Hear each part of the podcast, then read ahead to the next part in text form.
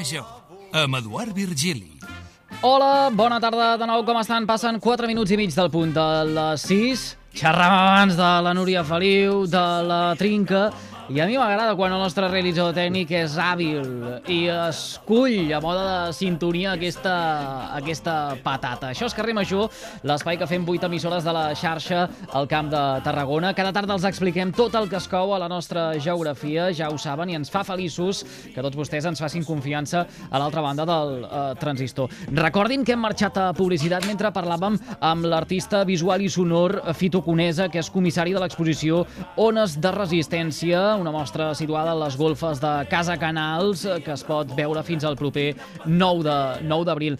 Però eh, a mi se m'ha generat un interrogant, que ja l'he deixat caure abans de marxar publicitat, que és la intel·ligència artificial. Eh, a veure, eh, Fito, eh, explica'ns. Evidentment, jo, jo l'he fet servir per, per atrapar-te una mica, però sí que és veritat que tot i que l'exposició és una exposició sonora, hi ha estímuls visuals i, i he creat, eh, i, he, i he treballat i, i jugat amb una, amb una intel·ligència artificial. De fet, per crear, parlava abans d'una partitura de, de la ciutat i de la història recent de tot el camp de Tarragona, però també per crear un, suposadament un skyline o una mena de, sí, de paisatge gràfic de com seria Tarragona o com és Tarragona i el camp de Tarragona segons una intel·ligència, una intel·ligència artificial. I això lo tenim allí. Eh, a l'exposició també un mural de 8 metres per un 20, crec, eh, amb un, que, que l'he creat jo a partir de 250 imatges fetes a partir d'una intel·ligència artificial. Mm -hmm. A mi m'ha agradat molt Fito, una cosa que tu has descrit d'aquesta exposició, parles molt de l'escolta relaxada, d'escoltar amb el cos. També ens has dit de la importància de l'espai. Com ho fem, això, d'escoltar amb el cos? Mira, doncs en català és super fàcil. En català hi ha una paraula que és sentir, que en castellà és, és sentir, i, i, i això ja, sentir és una escolta amb el cos. És sentir des d'un altre lloc, és a dir, d'entendre que, que, igual que parlàvem de que és un espai, que és una exposició feta d'estímuls o que, com quasi no interactiva, però com multisensorial, eh, una escolta relaxada vol dir sense cap tipus de pressa i, i està ja intentant entendre què passa a nivell sonor.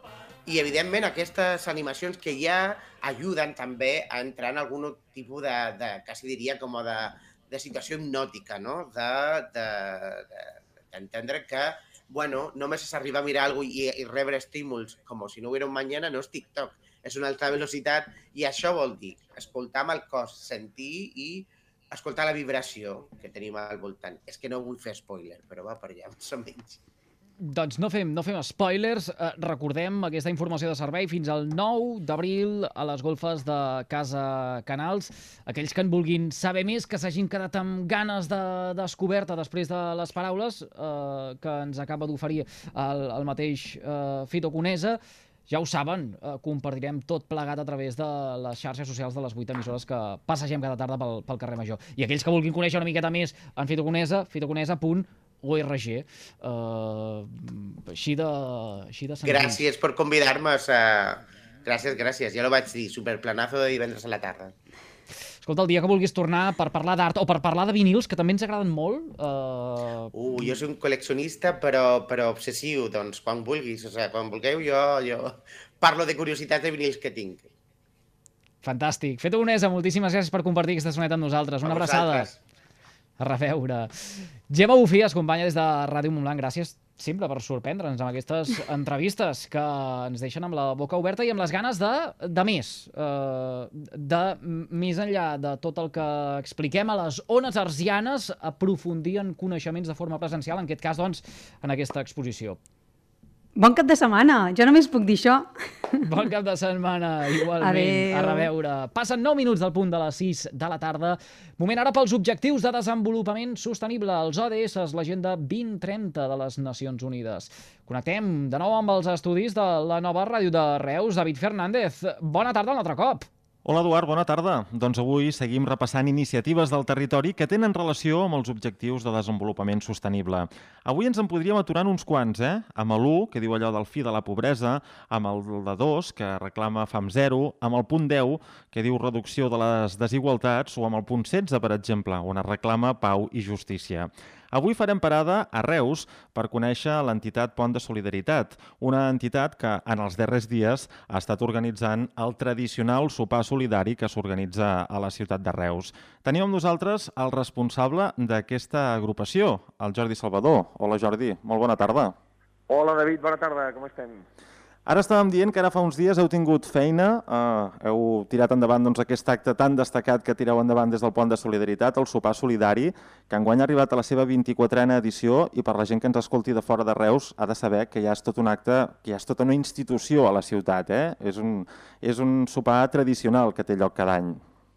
Sí, la veritat és que és un sopar que, com molt bé dius, estem a la 24 en edició, que no són 24 anys, que en serien dos més, però la pandèmia ja saps tu que ha malmès moltes cosetes, i bé, finalment l'any passat el vam poder reprendre, no en les dates habituals, perquè encara ens agafava en època de pandèmia, però quan ja els, les restriccions ja van permetre certs aforaments, ho vam poder fer al mes de juny, i aleshores enguany ja per fi hem tornat a reprendre-ho amb les dates habituals, uh -huh. el mes de març.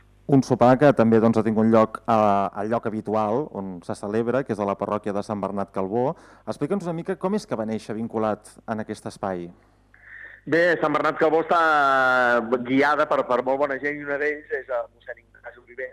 Mossèn Ignasi és un, és un activista, és un, és el, era el, el mossèn de la parròquia, és un, un gran activista social i bé, i arran de, doncs, de la seva iniciativa ja fa molts anys que, que aquesta activitat té, té lloc a Reus i tot i que ell ja no és actualment el, el, el, el bisbe, el bisbe, perdó, el, el, el mossèn, el capellà. El mossèn, el capellà, exacte, d'aquesta parròquia. Entre tant, ell ho va deixar ja amb el mossèn Pep Moreno i ara tenim el mossèn Joan, eh, mossèn Joan Brulles, el seu esperit continua allà, ell treballa amb nosaltres, col, cols a cols amb nosaltres, segueix treballant en aquesta iniciativa i, per tant, tots seguim remant, intentant agafar l'estela de mossèn Ignasi. Uh -huh.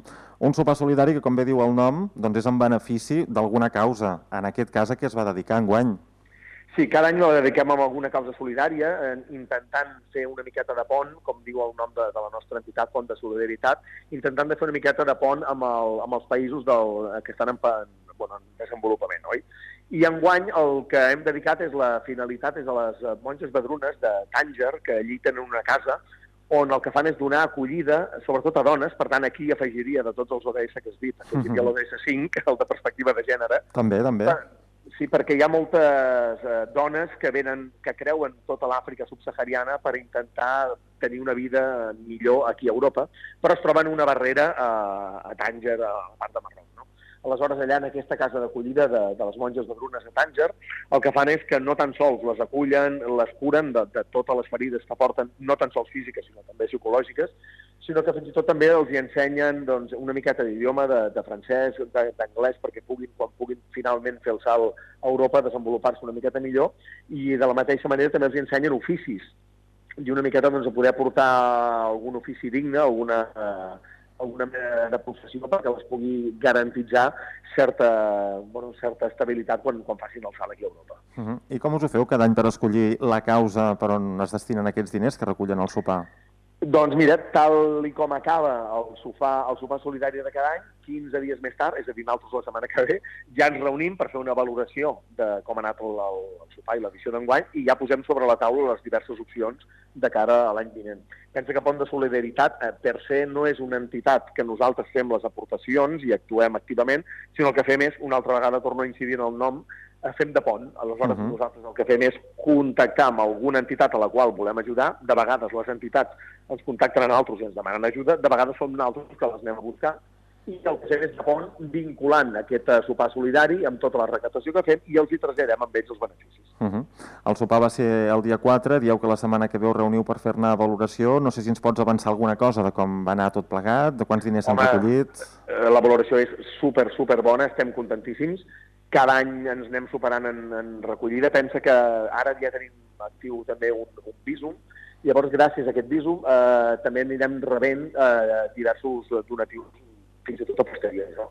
Aleshores, ara estem rondant els 5.000 i poquets euros i espero que encara vagi pujant una miqueta, que està realment espectacular. Uh -huh. Pensa que la gent, David, eh, paguen 12 euros als adults i 6 euros als infants per venir a un sopar en el qual els hi donem un entrepà, que pot ser de tonyina, pot ser de, de pernil, una fruita, i fruits secs i aigua, res més, no és un sopar d'aquests de, d'entaular-se i d'esferificacions. Per tant, encara té molt més mèrit. Bueno, i a banda, a més a més, que s'ha convertit en tot un esdeveniment aquest sopar, és a dir, també hi ha actuacions musicals, no? condueix el periodista Xavier Grasset, vull dir que eh, va molt més enllà també de pròpiament un sopar, no? Sí, de fet, pròpiament l'acte comença a les 8, acaba cap a quarts d'11 i el que és en si el sopar igual és mitja horeta, tres quarts. La resta, doncs, tenim el gran Xavi Grasset, que sempre, sempre es brinda a donar-nos un cop de mà i cada any comptem amb un, dos artistes eh, que ens venen a també donar el seu suport. Enguany hem comptat amb el Reus Cir Social, que ens han amenitzat amb, amb les seves construccions humanes, i també han vingut Rosaret, el grup de, de folclore, de música tradicional dels països catalans, i, clar, entre una cosa, entre el Grasset, que ell, que ell sol ja és un espectacle i que ho condueix magníficament, i els artistes que venen a ajudar, doncs tot això ja queda molt més, bueno, molt més divertit. A més a més, també hi ha una miqueta de rifa, perquè hi ha empreses que doncs, o col·laboren aportant menjar o productes pel sopar, i altres empreses que aporten productes perquè fem una rifa i venem uns, uns quants dinerets allí de, de, de tiquets, i llavors, bueno, entre una cosa i l'altra passen les dues hores i escaig que ni ens n'adonem. Uh -huh. Per tant, fem una crida que la gent que ens estigui escoltant encara no heu tancat el marcador perquè ens entenguem, vull dir, la gent encara pot seguir fent aportacions que busquin doncs, a través de la premsa o a través de les xarxes o els espais Exacte. web de Pont de Solidaritat aquest mòbil i la gent doncs, encara pot fer aportacions per fer créixer doncs, aquests 5.000 euros. Sempre seran benvingudes. Oh, i tant que sí. A banda del sopar, pròpiament, hi ha hagut altres activitats, no?, que de fet han acabat fa un parell de dies, eh, en biblioteques, en altres espais, per tal de, de donar a conèixer sobretot la causa per la que es, es recollien diners enguany. Sí, el, just el dia abans del sopar solidari, el, el divendres, a la mateixa parròquia de Sant Bernat Calbó, la, la persona que és la, la responsable de les monges badrunes a les quals destinem el projecte d'enguany va venir a fer un, una, una exposició, perquè sí que és cert que el dia del sopar solidari convidem tant a la persona responsable del projecte beneficiari de l'any anterior com a la de l'enguany. La de l'any anterior el que fa és una breu pinzellada de 5 minuts explicant què és el que han fet amb els diners que han recaptat, eh, on han anat a parar aquests diners i quina ajuda han pogut oferir gràcies a aquesta recaptació.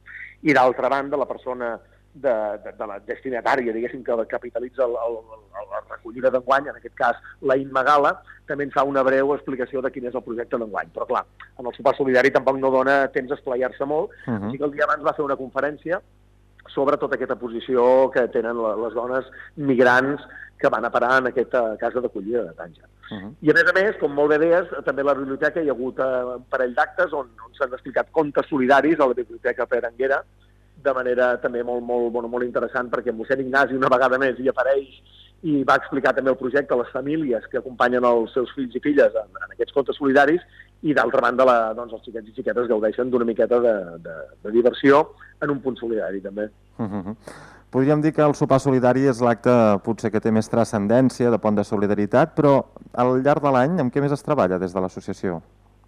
Bé, doncs realment és, és, estem tot l'any treballant per aquest sopar solidari, perquè ni que sembli mentida, eh, coordinar a tantes persones, a tantes empreses, a tota la gent que ens ve un cop de mà no és gens fàcil, llavors ens anem reunint periòdicament, cada mes i escaig tenim, eh, tenim reunió d'organització del sopar i les altres accions que fem són puntuals en moments concrets, concrets, eh, concrets de la de Sant Bernat del Bó.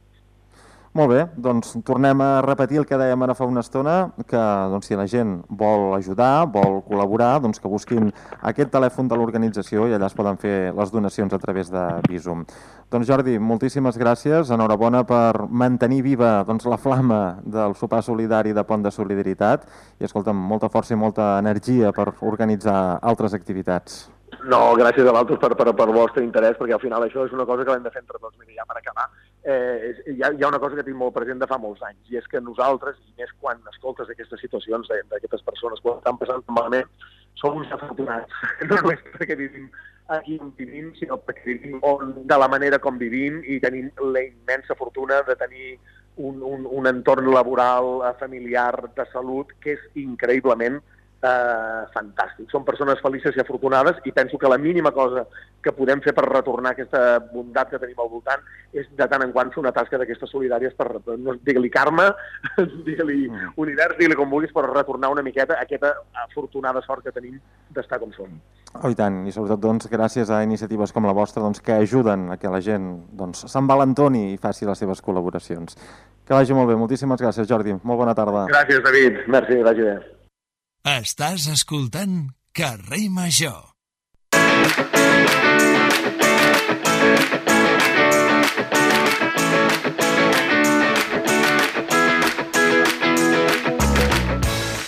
Passen 4 minutets del punt d'un quart de set de la tarda. Venim de Reus de xerrar amb el nostre company de la nova ràdio, en David Fernández, i el que fem és connectar amb la unitat mòbil del programa, la capitanegen Miquel Llevaria, i els que ens estiguin escoltant ara a través de la ràdio i no ens vegin eh, amb imatges per les xarxes socials, en Miquel Llevaria ens fa una enveja, el tenim entaulat, amb, amb eh, les patates braves just aquí davant seu. Miquel, bona tarda de nou. Bona tarda, Eduard. Doncs sí, ara mateix me trobo aquí mateix al bar Papaya, justament en el municipi de Montroig del Camp, per conèixer sobre aquest segon campionat de les patates braves de Montroig i Miami Platja. I sí, tu mateix ho has dit, eh, tinc just al nostre davant un plat de patates braves que encara no l'he tastat, eh? encara estic de servei. Quan surti de servei potser ja el tasto. Igualment, ah. per parlar d'aquest campionat, eh, el que farem per començar és parlar amb la regidora de promoció econòmica d'aquí de l'Ajuntament de Montloix del Camp, la Yolanda Pérez. Moltes gràcies per acompanyar-nos en aquesta tarda. Bona tarda, gràcies a tu per venir a veure'ns. Sobretot, a, a més, unes patates amb el més o menys bon temps que ha començat a fer aquesta setmana. Imagino que va perfecte, no?, per aquest campionat. Sí, a més es comença a notar que també, clar, quan fa bo, la gent li agrada més sortir, s'omplen les terrasses, bueno, ja veus, i clar, això també convida que la gent pues, eh, surti més i, i pugui tastar les, les diferents braves que tenim per tot el municipi. A més, normalment jo quan surto, és que a mi m'agrada molt fer eh, aquestes connexions gastronòmiques, normalment quan surto faig moltes jornades gastronòmiques, però en aquest cas no és una jornada gastronòmica, és un campionat. Els 19 restauradors que hi participen competeixen per a veure eh, doncs, quines són les millors patates braves o les que els agrada més als montlogencs i montlogenques, no? Sí, sí, així és. No és només una jornada gastronòmica que pots tastar. A més a més, això és una competició, és un campionat. Volem saber quines són les millors braves del municipi. Sempre hi ha hagut aquest, aquesta rivalitat no? entre, entre el sector de l'hostaleria. Jo tinc les millors braves, no les tinc jo, les meves són diferents. I doncs per això aquesta iniciativa de fer aquest campionat, a més a més, és emocionant perquè es pot, es pot votar, es va seguint en directe, més o menys en streaming, eh, qui va pel davant i bueno, van canviar les posicions i bueno, és, és divertit. Creiem que és molt divertit, tant per la gent que, que està votant com pels, pels establiments que hi participen. A més, eh, amb els seus premis, tant per als establiments participants, sobretot per aquell que, que acabi guanyant, com també per a aquells clients que acabin decidint per fer la... anem a dir-li la ruta de les braves de Montroig i vagi allí a provar fins i tot totes les 19 braves, les 19 patates braves que hi ha per aquí, no? Hi ha premis per les dues bandes. Sí, sí, hi ha premi per tothom. Eh, hi ha diferents categories, hi ha tres categories. Està el bravista, l'aficionat, el gourmet i els sibarites. Val? Hi, ha, hi ha tres tipus de carnet i tres tipus de premis. Depèn de la teva, bueno, de, de la teva degustació, de si, bueno, si fas més o menys o més, més racions. Mm. Uh -huh. I també per, per un costat qui m'acompanya també és la propietària del Bar Papaya, un dels restaurants, bars eh, que um, competeixen en aquest campionat de patates braves. Eh, Verónica, gracias por acompañarnos hoy también. Muchas gracias a ustedes y bueno, sí, esta iniciativa ha sido bien, bien molona, como dicen por allí, para, bueno, motivarnos un poco a, a ver quién las hace mejor, al, ¿no? al gusto de, de, todos y poder disfrutar de las terrazas, del buen tiempo y, ¿por qué no, pues con el campeonato. Clar, imagino que, com hem dit, és, hi ha un bon moment per les patates braves perquè és un moment en què ja la gent començarà a voler estar molt a les terrasses i un dels millors plats per passar aquestes estones de terrassa són les patates braves, ¿no? Hombre, una terraza sin patatas bravas no es una terraza y la verdad que aquí, y soy una fan de patatas bravas particularmente, soy una que voy por todos los sitios a probar primero unas bravas y luego pruebo lo demás. Entonces, la verdad que me, gusta mucho el hacer esto de, inventarnos una salsa, de, ver cómo, o la creatividad de todos nuestros compañeros hosteleros de, de, de ofrecer pues, las mejores bravas. Uh -huh. I ara el que a mi m'agradaria conèixer és que, clar, és un campionat, cadascú fa les seves braves, cadascú té la seva pròpia recepta. Anem a parlar de les teves patates braves. Eh, com les defensaries? De, de quines patates braves estem parlant? Bueno, nosotros decidimos eh, cambiar un poquito de lo tradicional, eh, pues con sabores un poco diferentes, para que así a ver ¿no? Si, si podemos ser del agrado de todos y que voten por nosotros, ¿no? Con el código. Pues, uh, escolta, Eduard, aquí uh, sí. anant, a, anant a buscar el vot. Eh, eh, no sé si ja han començat a demanar-se moltes braves últimament. Sí, ya desde el lunes que se empezó eh, ha sido muy bien porque entre semana han venido, sí, por las noches y tal, pues la gente se anima a, a, probar las bravas ya y ahora fin de semana será seguro a full, eso sin duda. Ya hoy se ha notado bastante que es fin de semana y que la gente tiene muchas ganas de bravas. Sí, sí. Mm. Escolta, Miquel, a, a tu les patates braves com t'agraden? T'agraden aquelles que, que siguin rabioses, que piquin de valent, una salsa una miqueta més suau i que no et deixi la boca tan cuenta? Amb quines et quedes? Jo, la veritat, eh, sóc bastant todoterreno. M'agrada diferents tipus de, de salses ah, braves, sí. eh? tant aquelles que són més suaus com també aquelles que tenen un regust picantón. Sí que t'haig d'admetre que les que se passen de frena amb el picante potser aquí ja m'he hecho patlas. Eh, no, no escolta, sé, potser... Digue'm. Tasta aquestes, tasta-les. Volem que les tastis en directe. Uh... Vale, vale. vale, vale. La tastaré i us, i us faig aquí una petita... A veure, eh, home.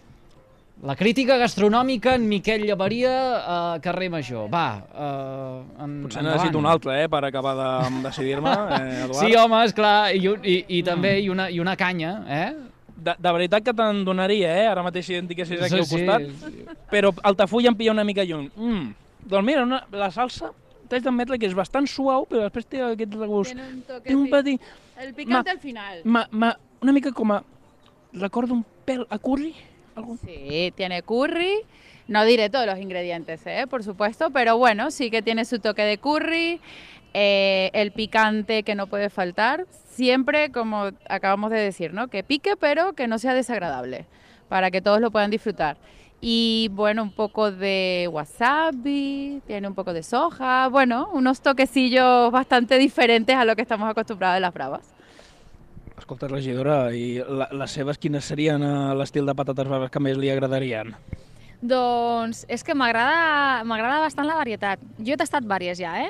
Vam començar dilluns, tot i que era un dia així que dius un dilluns, però bueno, ja hem començat, portem vàries i la veritat és que hi ha bastant de nivell, eh? I són, a més a més, totes molt diferents. A més a més, com que és el segon campionat, ningú ha repetit de l'any passat. I és, és, o sigui, la gent s'ho està currant, sí, sí, us està currant bastant bé i la veritat és que molt bé, eh?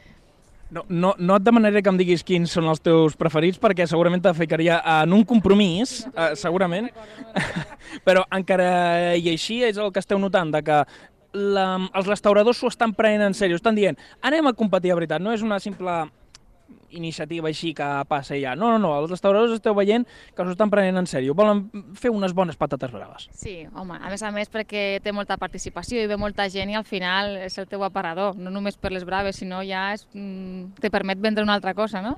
Llavors són clients que és una forma de fidelitzar els clients. Eh, L'entrada són les braves i després ja, ja que estàs aquí, pues ara la Vero t'oferirà tot, el que, tot el que té, ja veuràs. O sigui que sí, sí, s'ho estan prenent en sèrio, sí. Uh -huh. I, escolta, és que clar, penses, eh, és una iniciativa guai, bona, però també és jove, perquè estem parlant de la seva segona edició. L'any passat va ser la primera edició, però, escolta, veient d'aquí 19 restauradors, cada mes s'ho aprenen en sèrio, aleshores la idea és de futur, no? És d'aconseguir que això tiri endavant i, escolta, eh, doncs cada, cada primavera, quan arribi el bon temps, una canya, com bé deies, Eduard, i unes braves, no? Doncs sí, esperem que sí que així sigui. A veure, és un plat que agrada molt, ho dèiem abans, no? Unes braves, doncs clar, també hem volgut fer una jornada gastronòmica, un campionat així, d'un producte que agrada molt i que és molt fàcil també de vendre. I que qui no es menja unes braves, no? És, de vegades fas coses que dius, bueno, no agraden a tothom, però unes braves, a veure, pot haver algú que no li agradin, però seria una mica estrany, eh? No, Segurament tindrà Les alguna braves- Sí, tindrà una altra cosa. Les braves agraden a tothom. Les braves, eh, eh, hi haurà això, qui preferirà un tipus de salsa o un altre, hi haurà qui demanarà, no, Miquel, i també hi ha gent que demana la salsa. No, jo la salsa a banda. Que...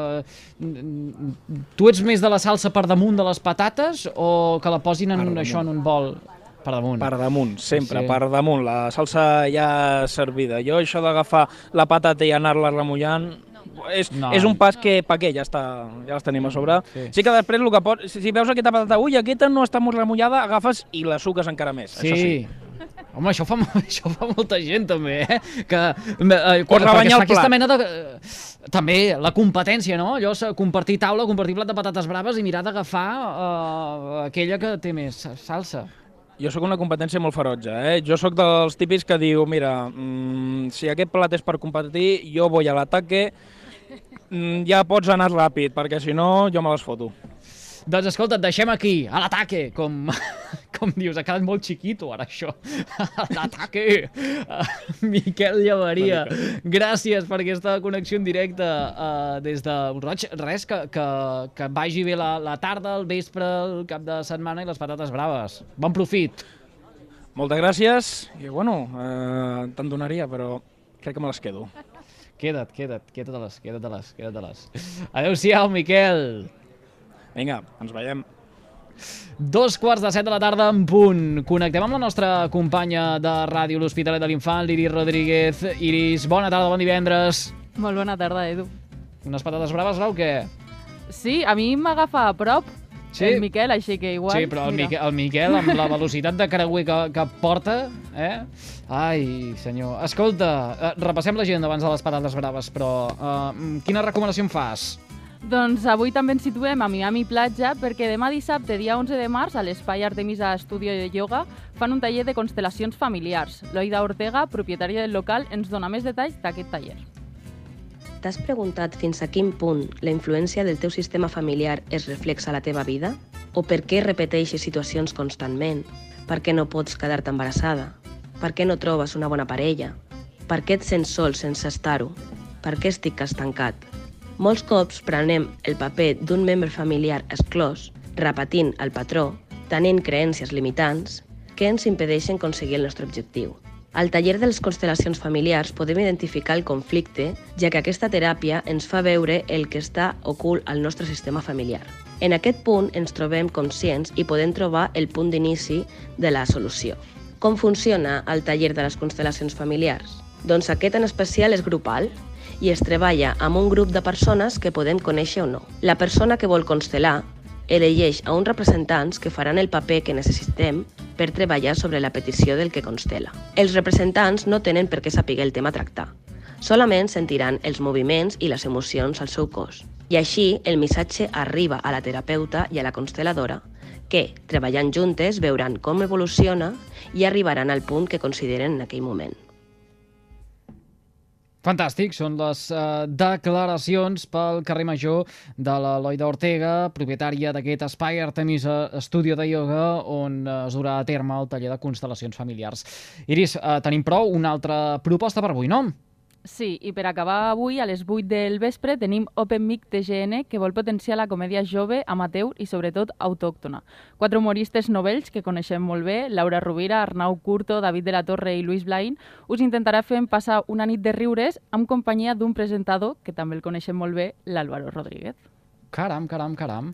Doncs uh, aquest parell de recomanacions per uh, marxar amb una agenda ben completa de cap de setmana. Iris, uh, que tinguis un uh, bon cap de setmana. A reveure, fins dilluns. Igualment, fins dilluns. I un servidor que s'acomiada també de tots vostès quan passen 3 minuts del punt de dos quarts de set. Ens retrobem dilluns a les 4 de la tarda a la seva sintonia de proximitat, però ara no desconnectin perquè arriba l'informatiu de Carrer Major amb l'Anna Plaça i companyia. A reveure. Carrer Major. Totes les veus del territori. 6 i 33 minuts, ens endinsem en l'actualitat. Des d'ara i fins les 7 us anirem desgranant les notícies del dia. Als estudis de Ràdio Ciutat de Tarragona hi tenim l'Àlvaro Rodríguez i l'Adrià Requesens i jo mateixa que us parlo des d'on la torre. Comencem. I comencem parlant de política, de Maria Gomis, que ha cedit a les pressions i dimitirà com a secretari de l'Ajuntament de Montblanc. Adrià, bona tarda. Bona tarda.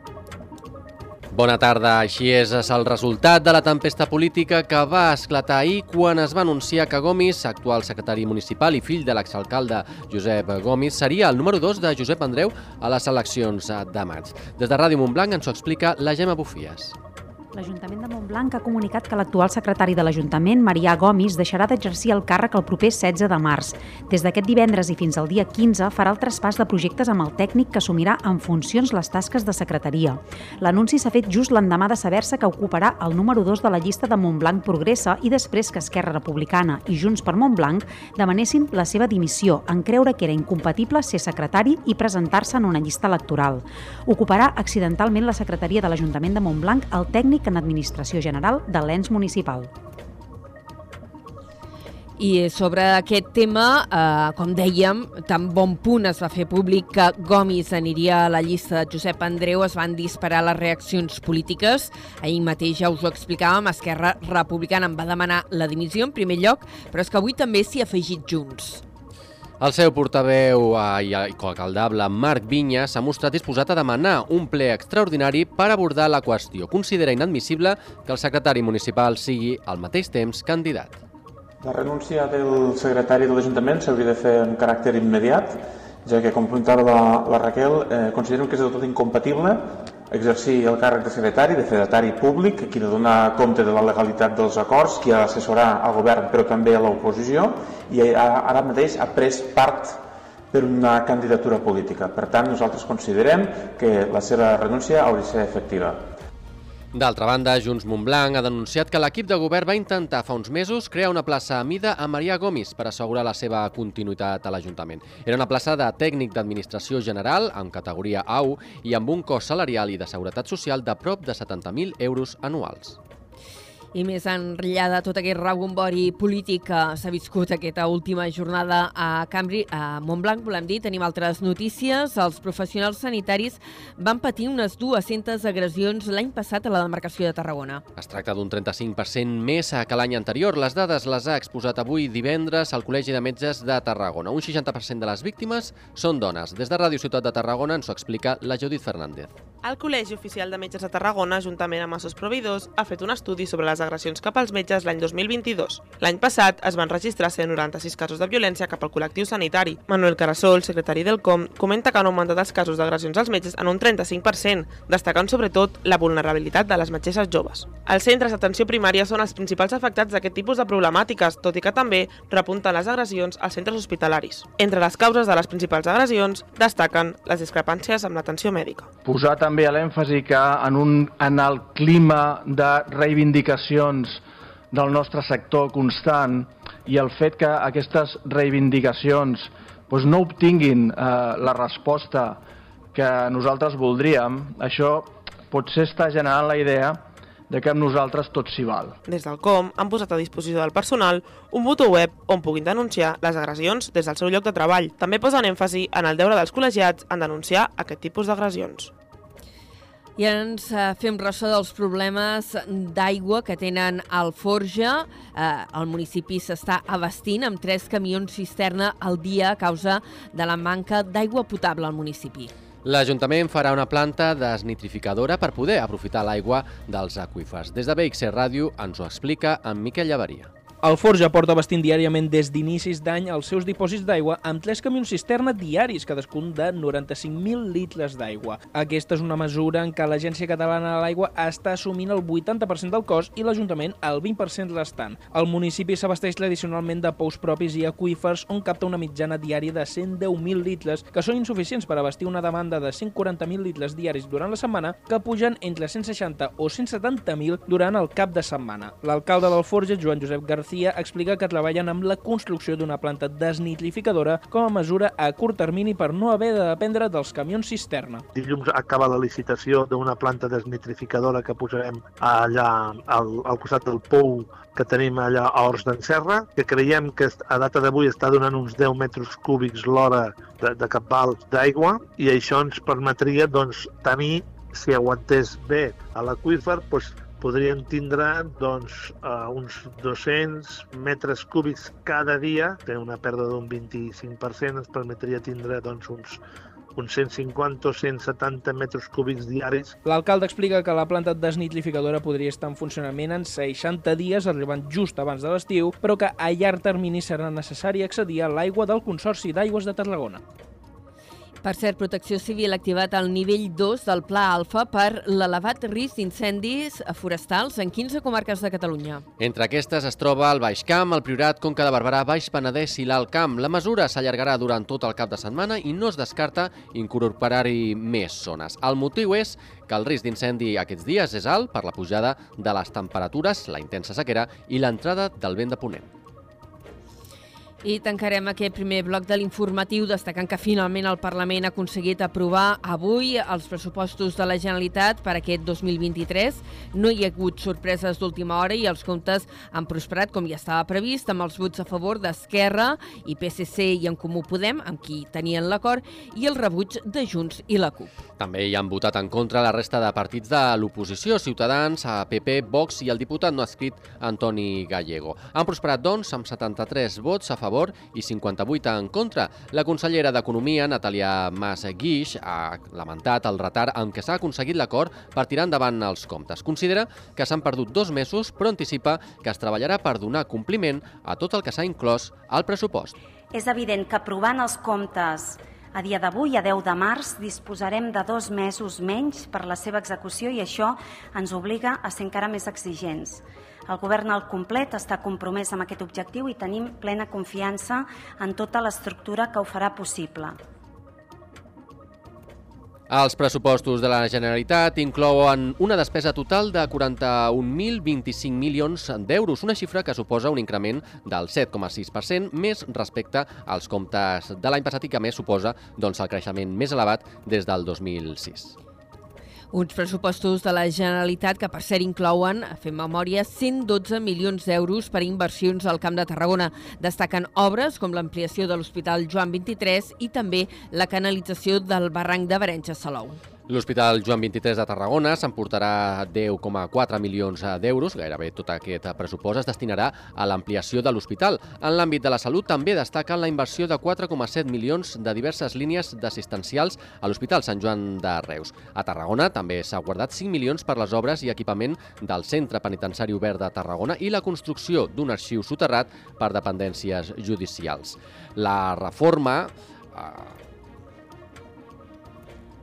la reforma de l'Albert, dèiem, de joventut a l'antiga ciutat de repòs i vacances està valorada amb un milió i s'han pressupostat 2,2 milions d'euros per la construcció d'un poliesportiu al Palau d'Esports de Tarragona. També una partida de 201.785 per la redacció del projecte del Fòrum de la Justícia. En l'apartat d'infraestructures destaquen els 4 milions d'euros per l'actuació al polígon Logis Montblanc, on Bonpreu instal·larà un centre logístic i l'adequació també de la planta de valorització energètica de residus Cirusa, que s'endurà 9,4 milions.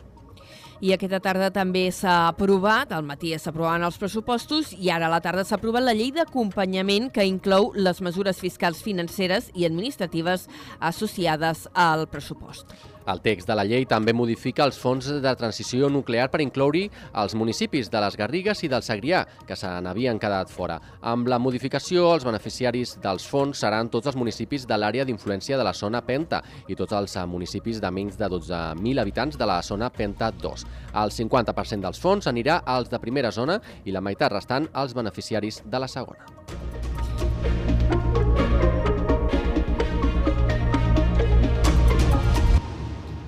6 i 43 minuts, obrint plana econòmica, Lidl ha anunciat que invertirà 13 milions d'euros en la posada en marxa d'un magatzem provisional de 40.000 metres quadrats a Constantí. Aquest equipament permetrà atendre les necessitats de l'empresa mentre no es construeix el nou centre logístic que tardarà més temps. De fet, la intenció és que el magatzem provisional pugui començar a funcionar ja a mitjans de l'any vinent. Tindrà quatre mòduls de magatzematge en una superfície total de 40.000 metres quadrats, així com mig centenar de molls de càrrega. Estarà situat a pocs quilòmetres de la futura plataforma logística. La inversió prevista per la companyia en l'adequació de l'espai és de 13 milions d'euros. L'associació empresarial Impuls Cat Sud alerta del decalatge, del decalatge que existeix entre les necessitats de les empreses del territori i l'oferta de mà d'obra. Aquesta és una de les qüestions que s'han abordat en la jornada sobre talent que l'entitat va organitzar ahir a Reus. Hi van prendre part patronals, sindicats, experts de la Universitat Rovira i Virgili també representants de la societat civil. La jornada estava concebuda com un intercanvi d'idees al voltant del concepte del talent, sobre com retenir-lo evitant la fuga de cervells i també com atreure'ns de nous. Una de les coses que es va constatar és que, tot i les elevades taxes d'atur, les empreses tenen dificultats de trobar personal que s'ajusti a les seves necessitats. Miquel Maria Aragonès és el president d'Impuls CatSud. El que és cert és que hi ha un decalatge, vull dir, hi ha una, hi ha una falta de, de comunicació. Potser les persones, com les formem, amb, quines, amb quins títols, amb quins coneixements els hi donem una mica per tenir aquest talent i el que necessiten les empreses va com amb carrils diferents. No, no acabem de trobar la manera de que això coincideixi, no?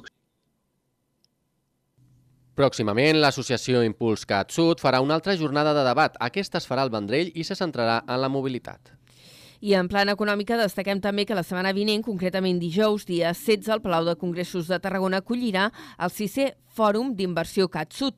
Es tracta d'una trobada empresarial pensada per la, perquè les empreses emergents, el que es coneix com a startups, puguin trobar socis i inversors per al seu finançament. En aquesta edició han estat preseleccionats sis projectes innovadors del sector de la salut, el turisme, l'assessorament legal, la cultura i l'economia circular que els dijous eh, presentaran públicament al fòrum. Enguany, com a novetat, el programa incorpora una taula rodona en què participaran les principals iniciatives privades del territori de suport al creixement d'empreses emergents. El fòrum CatSud està organitzat conjuntament pels ajuntaments de Tarragona i Reus, la Diputació, la Universitat Rovira i Virgili i amb el suport, amb el suport d'Acció. I avui a l'informatiu recollim també les demandes dels apicultors. Un petit grup d'aquests professionals s'han concentrat a les portes de la subdelegació reclamant ajuda urgent al sector.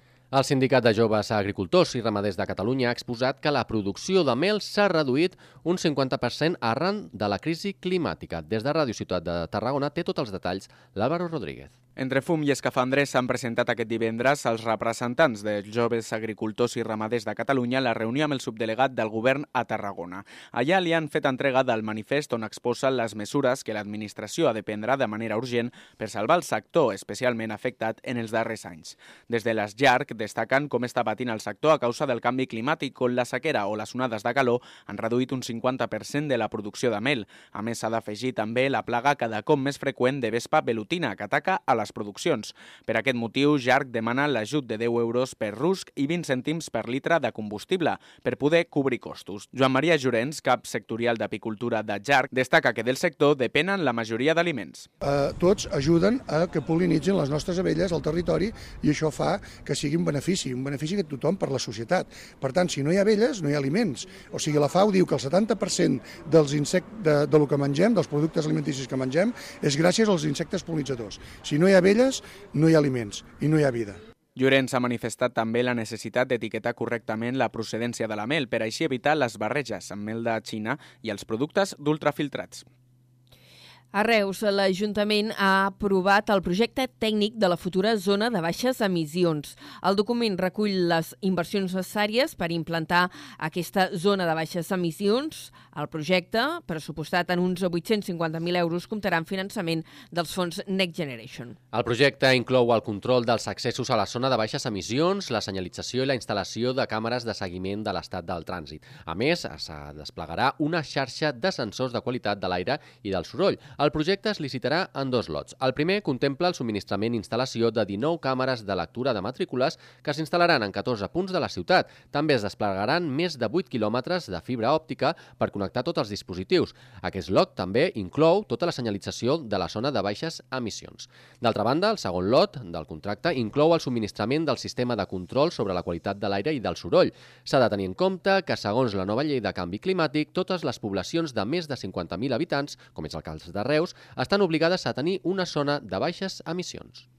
I a Tarragona l'Ajuntament negocia amb la Sareb per disposar de més pisos i donar resposta a l'emergència habitacional. L'alcalde de Tarragona i la regidora d'Habitatge s'han reunit a Barcelona amb un dels directius del conegut com a Banc Dolent amb la voluntat d'arribar a acords de col·laboració. En la reunió s'ha obert la porta a firmar un conveni de col·laboració, un possible acord que s'acabarà de concretar en els propers mesos i que per part de l'Ajuntament de Tarragona busca disposar d'habitatges per destinar-los a unitats familiars que es trobin en situació de vulnerabilitat. Seguim en crònica local. L'Ajuntament de Torredembarra està pendent de rebre el projecte constructiu de la rèplica de l'escultura Alfa i Omega que anirà al bloc de Bajamar. L'alcalde Eduard Rovira ha reconegut que hi ha una manca de retard en les previsions que tenien a l'equip de govern pel que fa a aquests tràmits. Des d'on a la torre ens ho explica en Josep Sánchez. La passada primavera es va fer una consulta popular amb la qual es va decidir instal·lar una rèplica de l'escultura de Rafael Bartolozzi que es va haver de retirar el 2018 pel seu deteriorament. Aquesta opció es va imposar l'estructura piramidal eh, com la que hi havia antigament per tirar les barques.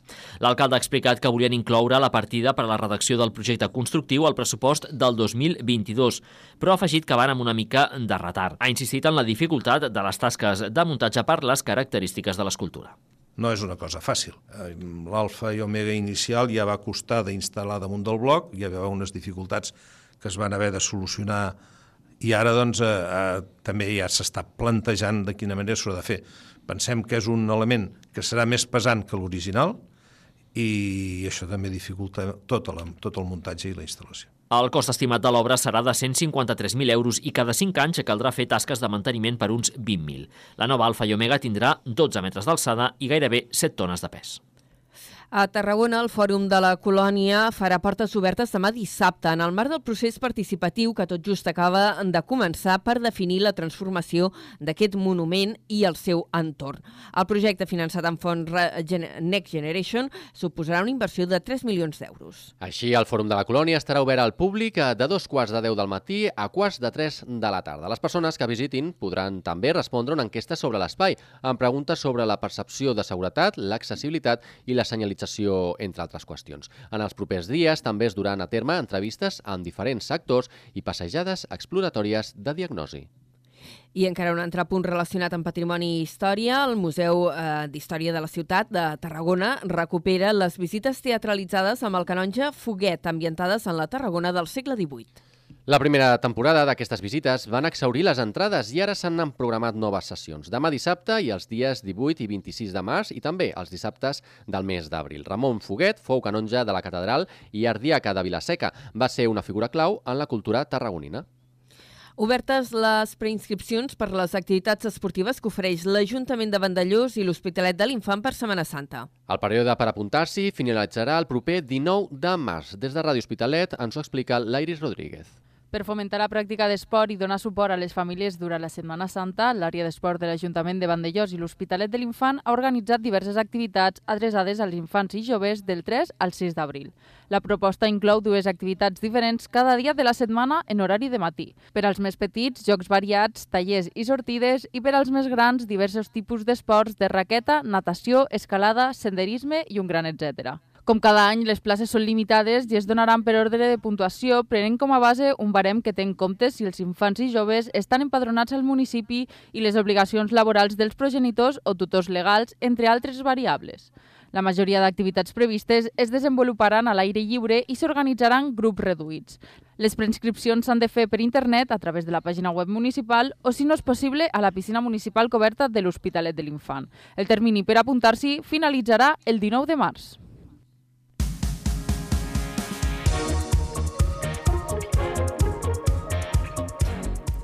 Són les 7 i 52 minuts, ens centrem en esports, han fet la prèvia del cap de setmana. El Nàstic s'enfrontarà demà dissabte al Barça Atlètic a l'estadi Johan Cruyff. Els granes volen repetir el bon resultat del cap de setmana passat davant d'un equip molt ben situat. Eric Rosic ens ho explica des de Ràdio Ciutat de Tarragona. El Nàstic de Tarragona visita un dels estadis de millor record de la seva història recent, el Johan Cruyff per enfrontar-se al Barça Atlètic. Els granes arriben al partit trencant la mala dinàmica dels darrers duels, el darrer amb victòria de prestigi davant la Real Sociedad B i recuperar la porteria a 0. Davant tindran un Barça Atlètic de Rafa Márquez que es troba tocat als jocs de privilegi, tot i que els darrers partits només ha aconseguit una victòria dels darrers 5. Amb tot, així partida del perill d'aquest Barça Atlètic, el tècnic del Nàstic, Dani Vidal. Eh, sigue siendo un equipo con, un sistema muy definido, eh, arriesgan desde atrás, juego posicional, extremos bien abiertos, intentan atraerte para encontrar esos jugadores de la entrelínea, el 8 y el 10 y a partir de ahí ser, ser verticales, que es donde de verdad son peligrosos. Al final eh, son mucho más peligrosos cuando te, encuentran separados en la presión y encuentran la entrelínea que no cuando te atacan de manera posicional. Un nàstic que no podrà comptar amb Pablo Fernández per lesió i amb el dubte fins a darrera hora de Lupo. Els granes comptaran amb un gran suport fins a 4 autocars i com a mínim prop de 400 nastiquers acompanyaran l'equip per aconseguir un nou triomf davant el filial blaugrana. El partit entre el Barça Atlètic i el Nàstic serà dissabte a les 7 de la tarda i es podrà seguir en directe per Ràdio Ciutat de Tarragona. I el CBT també es desplaçarà demà dissabte a Barcelona per afrontar-se en, aquest ca en aquest cas al Roser. Una victòria els obriria les portes a un play-off molt igualat, mentre que una derrota els deixaria pràcticament fora. Des de Ràdio Ciutat de Tarragona ens ho explica l'Adrià Tella. Un club bàsquet Tarragona en creixement visita la complicada pista del club bàsquet Roser, segon classificat, en la que podria ser la darrera oportunitat dels tarragonins per aferrar-se als llocs de privilegi en el tram final de temporada. Una victòria obriria les opcions del CBT en una classificació molt igualada, mentre que una derrota l'allunyaria de manera pràcticament definitiva. Malgrat mantenir una situació delicada amb nombroses i importants importants baixes, els blaus han crescut en les últimes setmanes i arriben al partit encadenant dues victòries davant el Navàs i el CC, dos conjunts de mitja taula. Els barcelonins també arriben en un gran moment, amb dues victòries seguides a domicili i de superar el filial del Barça en un duel directe en el darrer partit a casa. Berni Álvarez, tècnic del CBT, parla del Roser i de la dificultat d'acabar la temporada dalt de tot de la taula. És un equip en ratxa que està jugant molt bé, que aquí ens va escombrar pel seu ritme i pel seu encert, eh, però ho prepararem totes les ganes perquè és un repte per nosaltres competir com està siguent tota la temporada a pesar de les baixes i perquè juguem contra l'equip segurament amb més en ratxa de la Lliga. No? Sabent que, que, que serà molt, molt difícil estar dalt de tot, però que també tenim la tranquil·litat de que, de que hem fet les coses bé. I bueno, l'afrontem amb il·lusió i amb ganes, no? intentar guanyar els màxims partits possibles i a veure després com van els emparellaments directes i els rivals, els rivals que estan allà dalt. No? El partit es disputarà aquest dissabte a un quart de nou del vespre al Municipal Estació del Nord de Barcelona.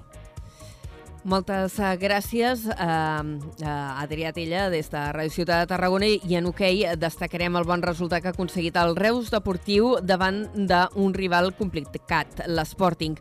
Els roig i negres han aconseguit un empat que els permet seguir al capdavant de la competició.